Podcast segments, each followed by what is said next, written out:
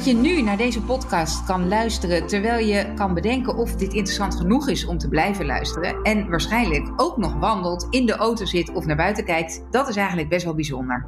Vandaag gaan we het hebben over ons brein en hoe belangrijk het is dat we gezond en vitaal zijn. Hoe ook ons functioneren daardoor wordt beïnvloed. Moeten we eigenlijk onze collega's en familieleden nu gaan controleren of ze wel genoeg bewegen? Zeker nu we nu begrijpen dat hersengezondheid invloed heeft op onze immuniteit. In mijn zoektocht naar inspirerende wetenschap die we direct kunnen toepassen in ons werk, voor onze podcast De Werkprofessor praat ik vandaag met hoogleraar neuropsychologie Erik Scherder, verbonden aan de Vrije Universiteit in Amsterdam. Welkom Erik. Ja, dank zeker. Fijn. Leuk om te zijn. Jij was uh, spreker al bij de Wereld Door University. Je bent veel op televisie. Je hebt boeken geschreven met uh, leuke titels, vind ik. Van uh, Laat je brein niet zitten of Singing in the Brain. Over de invloed van muziek op onze hersenen. we gaan het vandaag hebben over vitaliteit, over bewustwording. En waarom dat de prioriteit nummer één moet worden. En hoe essentieel onze omgeving is. En dan denk ik meteen van, oké, dat weten we toch al lang. We moeten bewegen met, bij vitaliteit, bij de woord alleen al zie ik van die uh, eh, 50-plussers of eigenlijk 60-plussers in witte kleding op fietsen. Uh, pas op je woorden, pas op je woorden. op de voorkant van zijn folder. Sorry, sorry. Maak ons even warm voor, want het is natuurlijk niet voor niks dat wij dit gesprek hebben. En ik ben ontzettend trots op dat je in de werkprofessor zit. Uh, maar maak ons even warm voor waarom moeten we nou echt iets anders gaan doen? Hè? Want het is wel degelijk echt een probleem. Ja, het is zeker echt een probleem. En het is ook leuk om uh, te gast te zijn bij jullie podcast. Omdat je gewoon weer de gelegenheid krijgt om het nog een keertje goed uit te leggen. Uh, waarom het niet alleen maar gaat over zeg maar, bewegen achter een beetje well-being. En uh, als ik het niet doe, hè, zit is toch prettiger. Je ziet als ik ga veel met de trein, nou de mensen weten niet hoe ze erin moeten stouwen om een uh, zitplaats te vinden. En dan denk je bij jezelf, nou misschien had u ook kunnen staan tussen Utrecht en Amsterdam. Hè. Ook ja. een idee geweest. Hè. Uh, dus je, en je ziet natuurlijk nu dat uh, we momenteel nog in de, volop in die coronaperiode zitten. En, maar er was al een andere pandemie en die is er nog steeds. En die pandemie heet officieel ook door de WHO. En die pandemie heet physical inactivity, oftewel lichamelijke inactiviteit. Vertaald zitten. En uh, dat is een pandemie. Dat betekent dus dat heel veel mensen slachtoffer zijn van het zitten. Beter nog gezegd, ziekten gerelateerd aan zitten. En wat zijn die ziekten? Dat zou je zelf zo kunnen invullen. Namelijk diabetes type 2, hart- en vaatziekten en overgewicht obesitas. Overigens misschien goed om dat toch meteen even te zeggen. Hè? Dus het is niet een verhaal van eigen schuldige bult. Want we weten heel veel mensen die obese zijn, die er niks aan kunnen doen. Maar de relatie is wel super helder. En in 2012 is die pandemie uh, bekendgemaakt. Ze is super gepubliceerd in vaktijdschriften. En uh, dat kost dus 5,3 miljoen mensen het leven per jaar.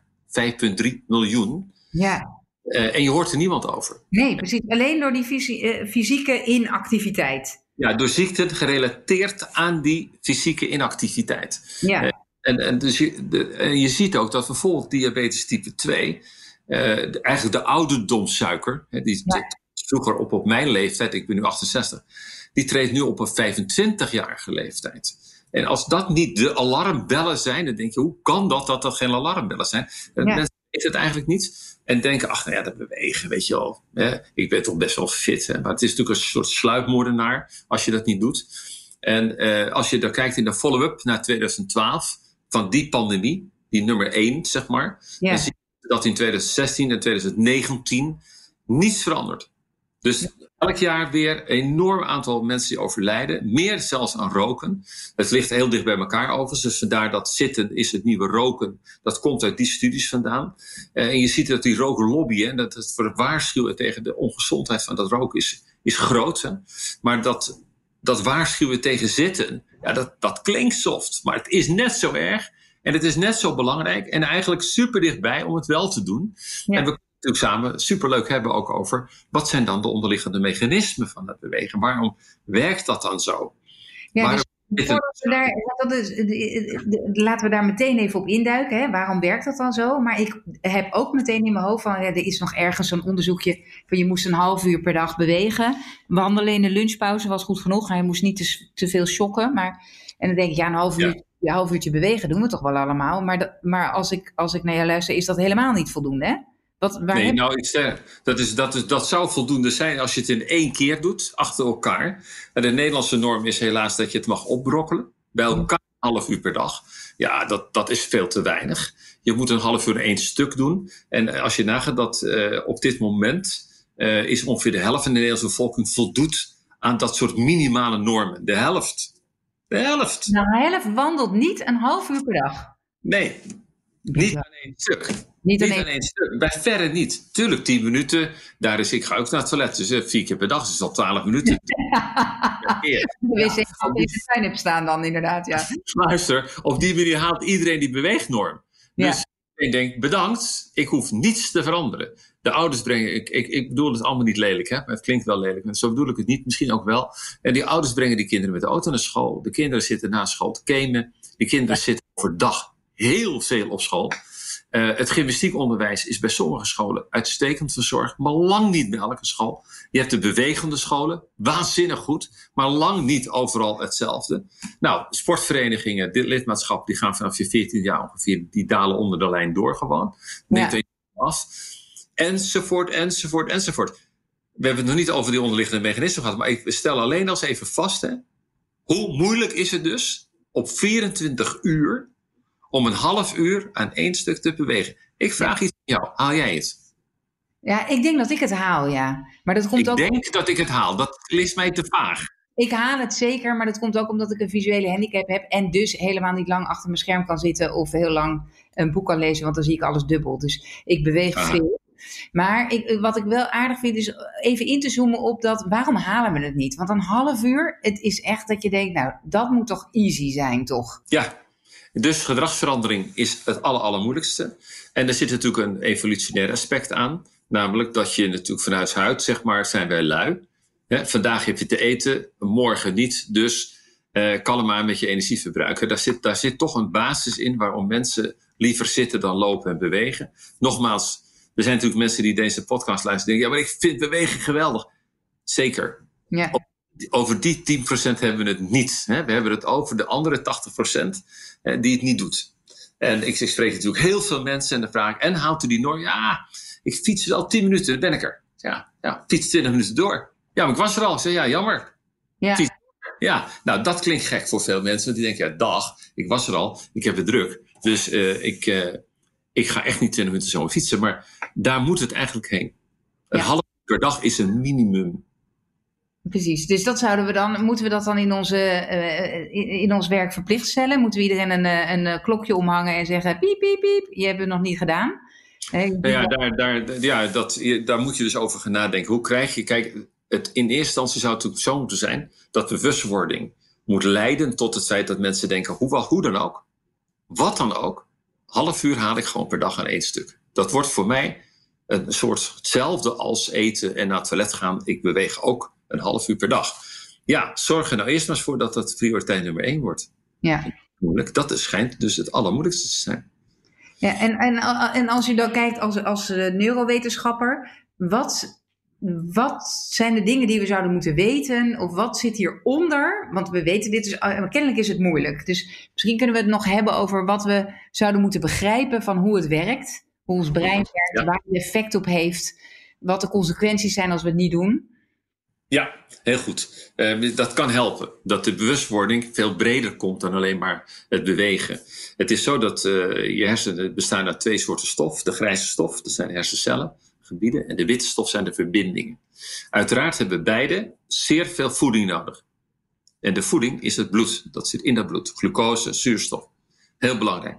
Als je kijkt naar die twee, de grijze stof, de witte stof, de hersengebieden of de verbindingen, dan blijkt eigenlijk dat de verbindingen van huis uit iets minder goed doorbloed zijn dan de grijze stof. Dat betekent dus dat die verbindingen, notabene, die dus bij onze kids groeien tot nog 30 jaar ongeveer, de eerste 30 levensjaren, groeien die nog door, dat daar bloed heen moet omdat er zelfs iets meer bloed heen moet dan naar die grijze stof, zal ik maar zeggen. Om die verbindingen goed tot stand te brengen. En dat kan je op twee manieren doen. De stofwisseling moet omhoog door goed na te denken en door goed te bewegen. Die twee factoren zijn enorm belangrijk. Want daardoor doet je hart het beter. Het hart pompt het bloed naar je brein.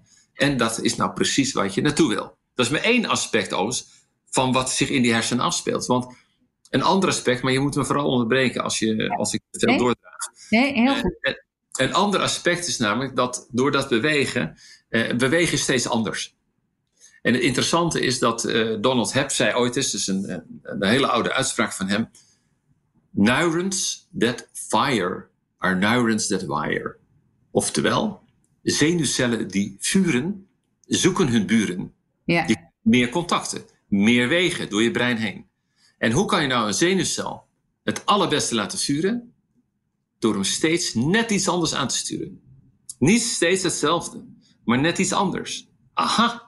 Dus bijvoorbeeld, bewegen is altijd anders. Als, je, als de kinderen buiten zouden spelen, wat ze niet meer doen, hè? even gechargeerd. Ja, nee, dat is zo. Eh, dan, dan, dan hollen ze door de bosjes, ze klimmen de bomen, ze maken ruzie, leggen het bij. Ze zijn aan het sporten, er is een wedstrijd, winnaars en verliezers. Morgen win ik.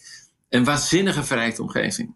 Dat is allemaal weggevallen omdat die kinderen thuis zitten te gamen. Natuurlijk zijn de ouders zeggen, ja, maar eerlijk, gamen is toch een super verrijkte omgeving. Ja, als je steeds een nieuw level opzoekt, is dat een positieve prikkel, zonder meer. Maar na een uur heeft dat kind dus een uur gezeten, hè? Ja, stuur dat kind naar buiten. Ga met dat kind sporten, ga bewegen. Hoeft niet Ja. altijd de sportschool te zijn, gewoon buiten spelen weer. Hè?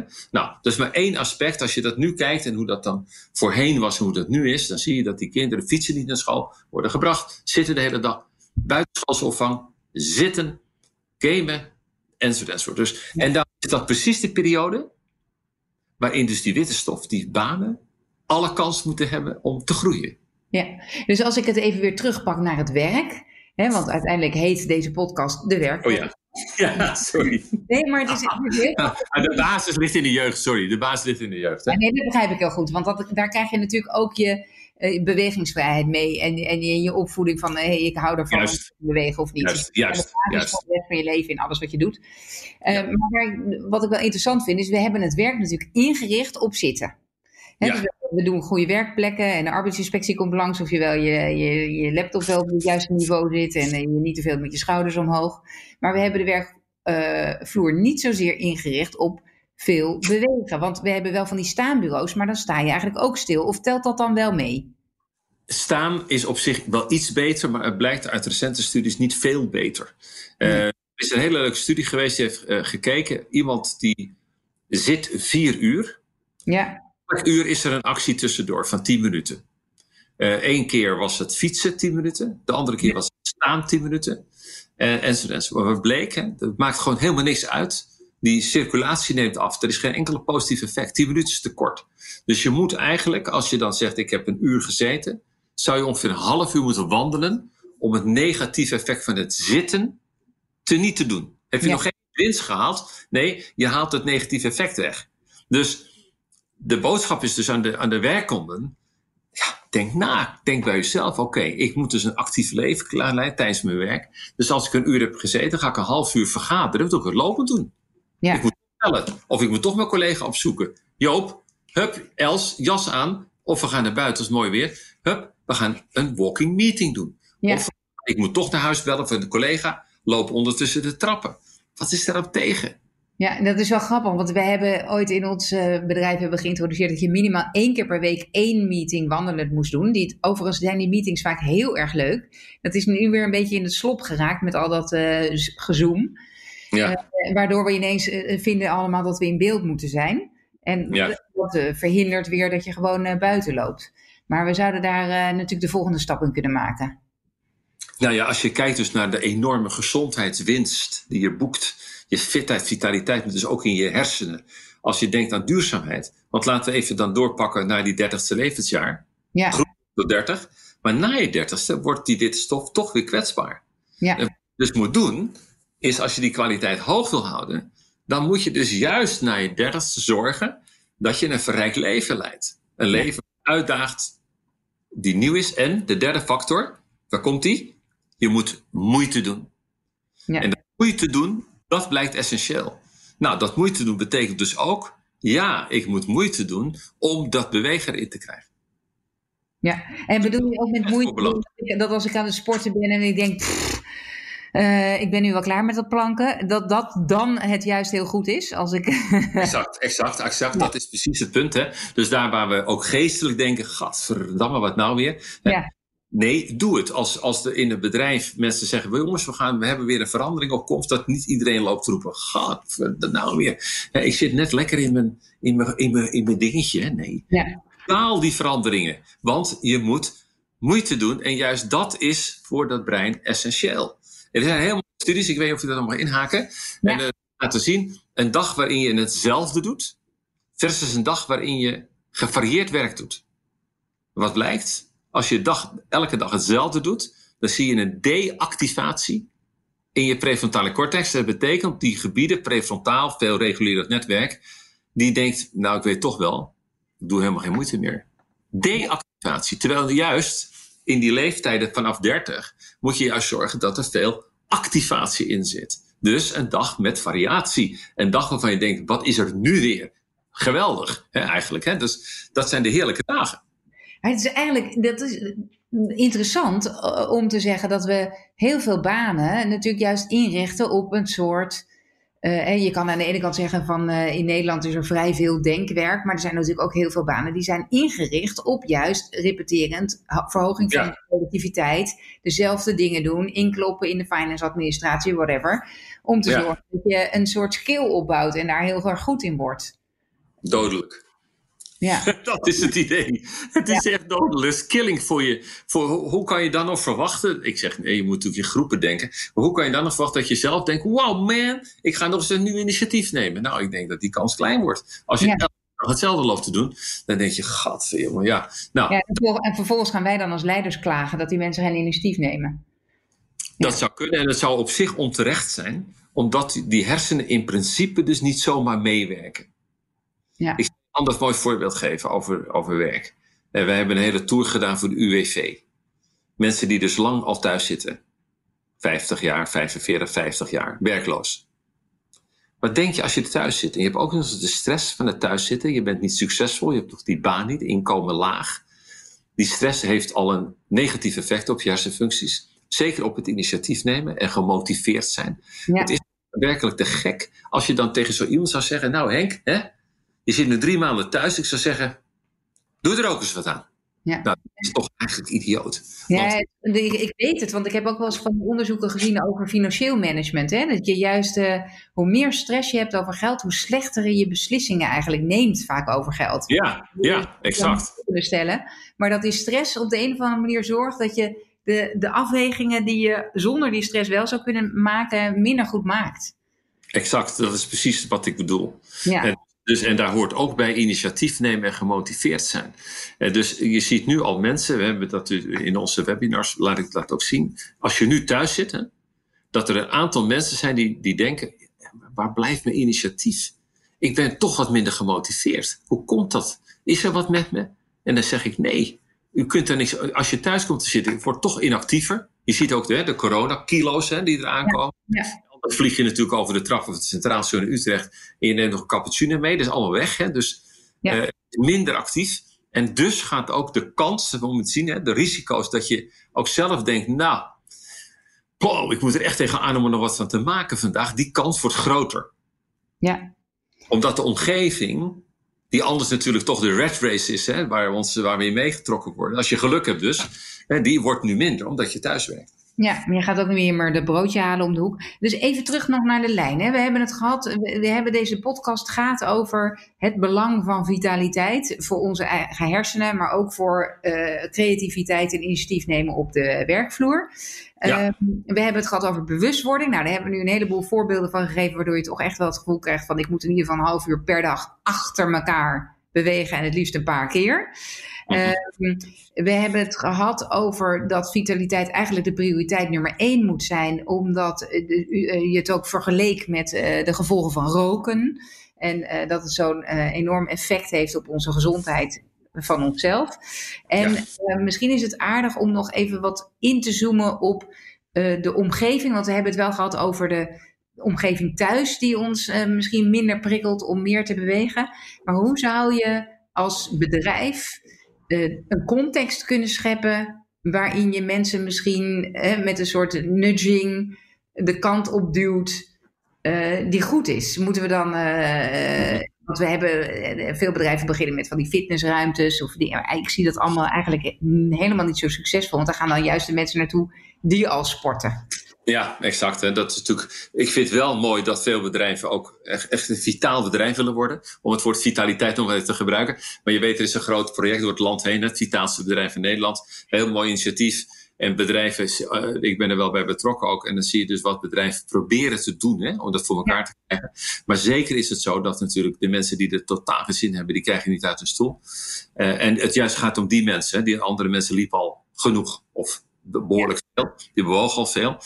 Ja, ik denk, uh, het is lastig. Het is lastig, want dan was het al gelukt.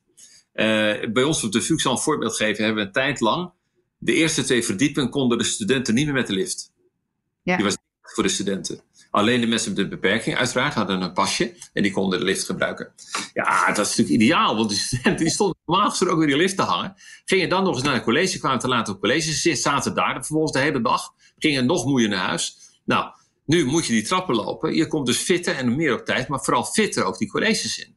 Dus je kunt natuurlijk nutje door te zeggen, ja, het is eigenlijk toch te gek, laten we wel zijn. Als ik in een, in een gebouw kom, zit er een aardige dame of heer en die zegt, meneer, daar zijn de liften. Ja. Iemand die zegt, daar zijn de trappen. Precies. En je zou inderdaad in ieder bedrijf gewoon kunnen zorgen dat de eerste twee uh, verdiepingen in principe niet met de lift bereikbaar zijn, tenzij je een bepaalde code intoetst op die lift. Ja, je zou, je zou natuurlijk als werkgever zou kunnen nadenken. Stel dat de werkgever deze boodschap helemaal eigen maakt. Ja. En zelf ook belangrijk vindt. Laten we dat niet vergeten. Want er zijn natuurlijk zat mensen die zelf denken in beleid ik zit. Ja, als die mensen zelf denken in beleid ik zit, zal die niet hard lopen voor een ander. Nee, dus welk, wel, wat moeten we diegene nog even meegeven uh, waarom die uh, niet blij moet zijn dat hij zit? Nog even een klein tussensprongetje voordat we dan overgaan op wat zou je kunnen doen in dat bedrijf. Nou ja, dat, dat hij niet blij moet zijn dat hij zit, zou ik dan in ieder geval in de huidige tijd nog willen meegeven. Dat het bewegen een versterking betekent voor je afweersysteem. Dus even los van je brein, waar we het over gehad hebben. Als het niet voldoende zou zijn, hè, wat op zich te gek zou zijn, dat je die witte stof, die verbindingen niet prachtig genoeg vindt om aan te werken, dan zeggen, denk aan uw afweersysteem. Want uiteindelijk is het zo dat als je gaat bewegen, en dan is een half uur echt, echt goed bekeken, dat daarmee je afweersysteem sterker wordt. Dat betekent dat u daarmee de risico's op ziek worden of ernstig ziek worden verlaagt. Niet uitsluit, nee, maar wel verlaagt. Laat dat de incentive zijn. De, de, de beloning zijn. Om te denken, oké, kom op, laat ik het doen. Ja, Precies. En dan gaan we terug naar wat kunnen we doen als we dat omarmen. Dus, dus uh, we omarmen dit allemaal. En dan wat gaat veranderen in onze bedrijven? Wat moet je veranderen of wat gaat er veranderen? Wat was precies? Ja. Nou ja, wat, wat, wat, ik zou zeggen, als, als u het voor het zeggen of als jij het voor het zeggen hebt. Ja. en, je, en je mag gewoon morgen bepalen wat er allemaal gaat veranderen in die bedrijven. Wat, wat gaan we doen? Ik zou in eerste instantie met de directie praten of zij zelf voldoen aan de beweegnorm. Of zij het zelf belangrijk vinden. En als die directie zelf niet belangrijk vindt, dan denk ik dat het een zinloze situatie wordt. Dus je moet meteen al aan de top beginnen. Dat de top denkt, ja, ik kom hier ook op de fiets heen. Of ik doe alles met de fiets wat ik kan doen. Of ik stap uit de trein en neem een fietsje mee, et cetera. Als, de, als de, de directie denkt, dit is voor mijn werkgevers net zo belangrijk als voor mezelf dan krijg je een geweldige beweging. Waarin je als bedrijf kunt stellen: ik eis gewoon dat u als onderdeel van uw werk ook een uur gaat lopen. En hoe dat wilt, moet u zelf weten. Het mag in mijn tijd. U kunt gaan lunchen met lopen. U mag vergaderen met lopen. Als u niks anders heeft, dan gaat u gewoon lopen. Want vergis je niet, als je gewoon eens loopt, hè, gewoon in de stilte, even niet topt over dingen, dan komt je default mode netwerk naar boven. Je default. En dat is het netwerk wat juist leidt tot creativiteit en probleemoplossend vermogen, nieuwe ideeën. Het is dus nooit voor niks. Het is niet voor niks als je ook gewoon eens denkt. Nou. Ja, dat, dat, dat, heb ik zelf ook. Ik heb, toevallig ging ik vanmorgen sporten en toen liep ik terug. Dus ik, normaal ga ik met de auto naar de sport en ik dacht nu ik ga eens even hardlopend heen en wandelend terug. En dan heb ik inderdaad, dan ga ik nog even, morgen geef ik zelf een webinar. En dan komt er toch nog even één slide in mijn hoofd waarvan ik denk, ah, dat moet eigenlijk nog een afsluiting ja. worden. Ja. Leuk, ja, leuk, ja, ja, leuk. En dus, dus daar moet het heen. En dan kun je natuurlijk als werkgever denken, oké, ik ga dat, ik bespreek dat met mijn personeel. Ik ga laten zien wat voor maatregelen ik ga nemen voor hun bestwil. Ja? ja. En ik rekening met natuurlijk de beperkingen van de mensen die het niet kunnen, uiteraard. En dan krijg je natuurlijk iets op gang waarbij die vrijblijvendheid, ja, het is rottig om te zeggen, maar die vrijblijvendheid moet er toch een beetje af. Ja, en, en dat, sorry dat is nog wel een lastig punt, want ik weet, ik weet dat je ook betrokken bent met de politieke acties. En uh, het punt is natuurlijk dat wij heel weinig te zeggen hebben eigenlijk over de gezondheid van anderen. Want ik mag ook niet tegen een medewerker zeggen, jij moet stoppen met roken. Of ik vind dat je uh, te veel aankomt, dus je moet nu op je gewicht gaan letten. En hoe nee, dus, uh, ja, nee, dat is een goed, heel goed punt wat je daar maakt. Je ziet natuurlijk wel met roken dat wij uiteindelijk niet meer in de gebouwen roken. Ja. Dat is niet op verzoek van de rokers gegaan. Dat is toch uiteindelijk afgedwongen. U rookt buiten op de hoek in de bolle wit, want u, een ander rookt mee. Maar dat geldt natuurlijk ook voor de huidige situatie. Als ik me niet goed, niet goed op mezelf let uh, en ik word ziek, dan kan ik ook een ander aansteken. Ja. Ander besmetten. Dus in die zin is het ook een verantwoordelijkheid voor je eigen gezondheid dat je ook een ander beschermt daarmee. Net als met het roken. Ja. Het is een kwestie van, ben je bereid om die gedachte sprong te maken naar de huidige situatie van die infectieziekten? En het feit dat over tien jaar, over vijf jaar, drie jaar komt er misschien weer een virus langs. Het zou toch wat zijn als we in heel Nederland, uniek in de wereld denk ik, een, een, een weerstand hebben opgebouwd door een actieve leefstijl. Dus ook goed slapen, ook goed eten en dat bewegen. Dat je zegt, kom op maar. Kom op maar, virussen. Wij hebben een betere weerstand. Dat is het pleidooi dat wij nu maken. Ja, ja. En hoe, ja, u vroeg nog even, hoe doe je dat in die bedrijf? Maar ja, ik, ik, ik heb niet meteen de, zeg maar, de praktische tips. Maar je kunt natuurlijk wel denken van, zet die roltrappen uit. Neem gewoon dan maar die noodtrappen. Uh, gaan lopen. Hè? Dus als ik uh, bijvoorbeeld bij uh, het ministerie kom, heb je bij VWS heb je de roltrappen. Heel prominent, super prominent gewoon. Maar je hebt ook de, de noodtrappen. Ja. Ik, vind het, ik, ik, vind het een mooie om mee af te sluiten van dat dat onze ambitie zou moeten zijn. Dat we onze immuniteit vergroten. En dat we dat als ja, bedrijf hebben. Misschien zouden we wel kunnen zeggen bij een volgende pandemie dat we dan, als we een echt vitaal bedrijf hebben, dat je dan langer open mag blijven. Dat je dan niet in een lockdown hoeft. Dat zou helemaal fantastisch Ja, ja, ja, ja. dat zou helemaal niet zo gek zijn. Dat zou helemaal niet zo gek zijn. Dus uh, ik, ik deel je gevoel en je, en je mening, zeker helemaal. Ja, Geweldig. Uh, Erik, we gaan afronden. Dankjewel voor jouw uh, tips en heldere toevoegingen op het gebied van bewustwording op het, de redenering waarom het prioriteit moet, nummer één moet zijn. En ook op de hoe essentieel het is dat we onze omgeving zo oprichten en inrichten. Ik ga, morgen hebben wij een teammeeting. Dan ga ik ook eens even bij ons bespreken of we dat um, uur bewegen per dag gewoon onder werktijd vorm zouden kunnen geven. Of in ieder geval minimaal een half uur. Ja, is ja. een afsluitend iets waarvan je zegt, hey, als ik nu de podcast of die nu gaan afronden, dan zou ik dat toch nog even moeten benadrukken? of gewoon, is het mooi rond zo? Nou, het is op zich mooi rond, maar ik zou natuurlijk nog wel een slotzin willen uitspreken in de zin van uh, laat iedereen bewegen als prioriteit nummer één nemen. En als je kijkt, hè, dat je qua cognitie en qua stemming, qua stress en qua immuniteit gaat winnen, dan, dan, ja, dan zal, zal iedereen dat uiteindelijk ook omarmen. Ja, ja, het is eigenlijk zo logisch als wat, maar kennelijk vinden we het toch nog moeilijk. Omdat we gewired zijn als eh, we hebben misschien morgen geen eten en vandaag wel, dus laat ik het rustig aan. Maar zo we moeten realiseren dat we morgen ook weer eten hebben. ja, gelukkig wel. Goed. Uh, dank jullie wel allemaal voor het luisteren naar deze podcast. Mocht je opmerkingen hebben of vragen, uh, laat het me weten op wendyapenstaartje vpeople.com. En we zullen in de show notes nog alle informatie even extra toelichten. Dank jullie wel en tot de volgende keer. Erik, bedankt. Dag Wendy.